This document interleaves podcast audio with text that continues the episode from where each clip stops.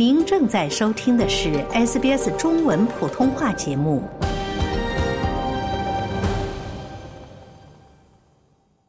听众朋友您好，我是 SBS 中文普通话节目记者刘俊杰。数据显示，每三个澳大利亚成年人中就有一个患有高血压。过量的摄入普通食用盐会增加患高血压的风险。医疗专业人士建议每一位高血压患者在饮食中减少盐的摄入量。但是，尽管专业人士数十年来一直在大力建议民众减少盐的摄入量，但却一直没有取得成效。人们很难改变烹饪方式，用不同的方法调味，并接受较低的咸味。现在有了一种简单有效的解决方案——富钾盐。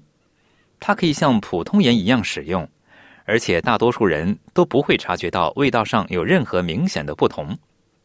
什么是富钾盐呢？为什么我们要重视富钾盐？西南威尔士大学的公众健康系的 Scientia 讲师徐小月博士分享了他的研究及发现。接下来，请听 SBS 中文记者山的采访报道，由我来编播。在采访中，徐小月博士首先提到了富钾盐的中文名称。富钾盐呢，其实我们也有叫做钾的强化盐。其实简单的来说呢，它是用钾的氯化物。代替我们普通盐里面的一部分的氯化钠，中文翻译也可以叫做盐的替代品，也可以叫钾盐，也可以叫低钠盐或者是碱钠盐。这个盐口味跟普通盐一样吗？比如说我们做菜，如果只放这个盐，不放普通盐，就是大家能吃出差别来吗？这是一个特别特别好的问题，然后好多科科科研的呃研究也在研究这一个方面。那我们最近刚发的一篇文章呢，是关于如果我们代替百分之五十普通盐呃氯化钠变成的钾的氯化物呢，大家一般是吃不出来太大的差别的。那如果代替百分之七十五的氯化钠呢，它可能会有一些些一点点偏苦的感觉，但是。因为个体对味道的感觉是不一样的，呃，差别不是那么的大。富钾盐或者是低钠盐，它已经投放市场了吗？就老百姓在哪儿能买到它呢？我们在 Woolies 和 Coles 在这个大的购物商其实是可以买到的。在 Woolies，它叫做 Hard Salt。因为它对心脏病啊这些都是有预防的作用，所以他们的品牌的名字叫 Hot Salt。然后我们可以在 Salt 那区域是可以买到的，在 Coles 也是可以的。如果我没记错的话，它应该叫 Light Salt。这在我们平常普通的卖盐的地方都可以买到。我们之前做的研究是，全球在一百九十五个国家里面有四十七个国家已经有这种盐的上市，比率大概百分之二十四左右，在全球范围内。功效到底是怎么样？它怎么帮忙调节血压的呢？这个替代品，从我们流行病角度来说的话，如果我们摄入太多的钠的话，就太多的盐的话，对我们的血压是不好的。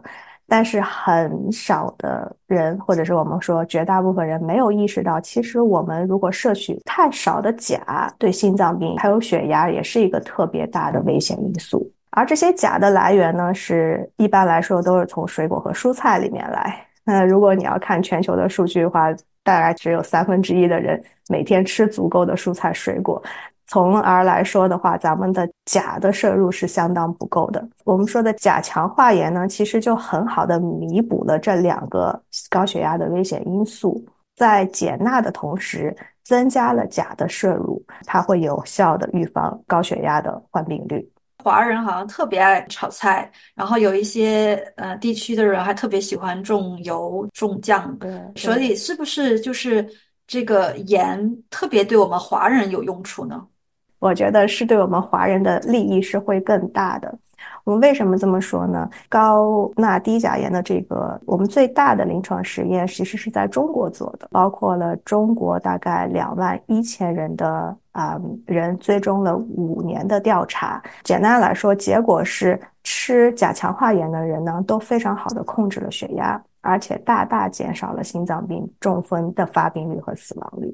这个实验为什么决定在中国做？唯一一个大的原因，就是因为中国人钠的摄入其实百分之七十都是在我们做饭当中。所以，如果是说我们替代了这个在我们主要的做饭的过程当中的话呢，会大大的降低我们的风险。这种富钾盐，它多少成分是钠，多少成分是钾？这个呢，因为在全球来说的 market 的水平呢，它是不一样的。那目前市场上有的比例呢，是有百分之三十的钾，百分之五十的钾，百分之七十，还有百分之九十到百分之百这种。澳洲的现在的品牌只有百分之五十，百分之五十，所以你在 Woolies 和 Coles 你能买到的品牌也只有这个比例。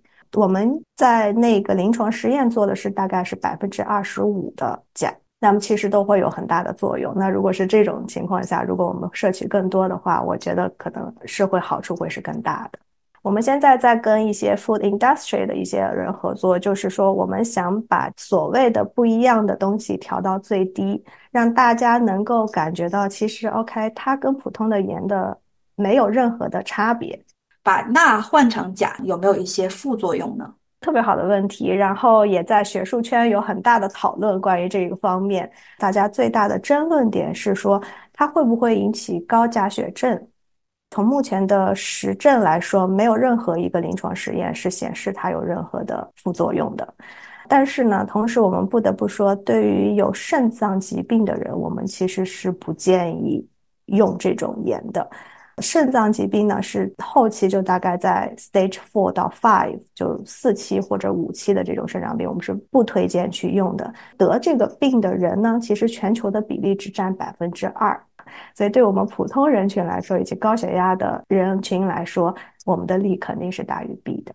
副甲盐或者是低钠盐有没有对特别的年龄段，比如说老人、孩子，嗯，是否也适用呢？也安全呢？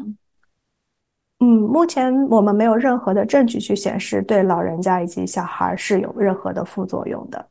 没有证据显示，也就意味着说，其实相对来说是安全的。历史上啊，有很多这种食材的替代品，比如说糖，后来有个代糖，但是经过一段时间又发现，哎，其中一个代糖有点问题，就是现在说它被化为致癌物质了。那。不是泼冷水，就是说，呃，这个副甲盐有没有经过一个长时间的验证了？因为会不会以后会发现它可能出现一些呃 potential 的问题呢？这个代甲盐可能因为没有全球性的实施，所以大家可能对它的认知不是特别了解。但是其实，在一九九六年的时候，世界卫生组织在他们的报告上已经推荐了这种代盐的一个好处。所以我们目前想做的是。让大家认识到这个好处，然后我们想要推广，想要大家去接受这样的一个新的东西，然后对我们的健康都会有好处的。那至于有没有副作用的话，目前来说我们是没有收到任何的临床报告的显示说它有任何的副作用的，几乎上是所有的都在说它的 benefit。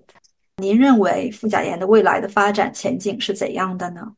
嗯，我觉得副甲盐是很有前景的一个东西。举一个例子来说，我们目前我们在乔治研究所的同事呢，做了一个模型上的科研的研究。他的研究呢，其实是显示，如果是在中国啊全国的范围内推广这个副甲盐的话呢，每年可以降低四十六万人的死亡率。那换句来说，就可以降低百分之十一的涉及到心血管的死亡率。这个数字是非常非常可观的。对于公众来说，如果我们做了这么一点点小的改变，那我们就可以有这么大的 benefit 的话，那我们设想，如果我们把这些钱省下来，就不要用去住院去看我们的心脏病，对于我们来说，是不是一个非常大的好处呢？想在 SBS 当一回影评人吗？SBS On Demand 正在推送配有中文字幕的热门影视作品。您只需观看一部或以上影视作品，并把影评观后感发给我们，就有机会赢得一份 SBS 精美礼品。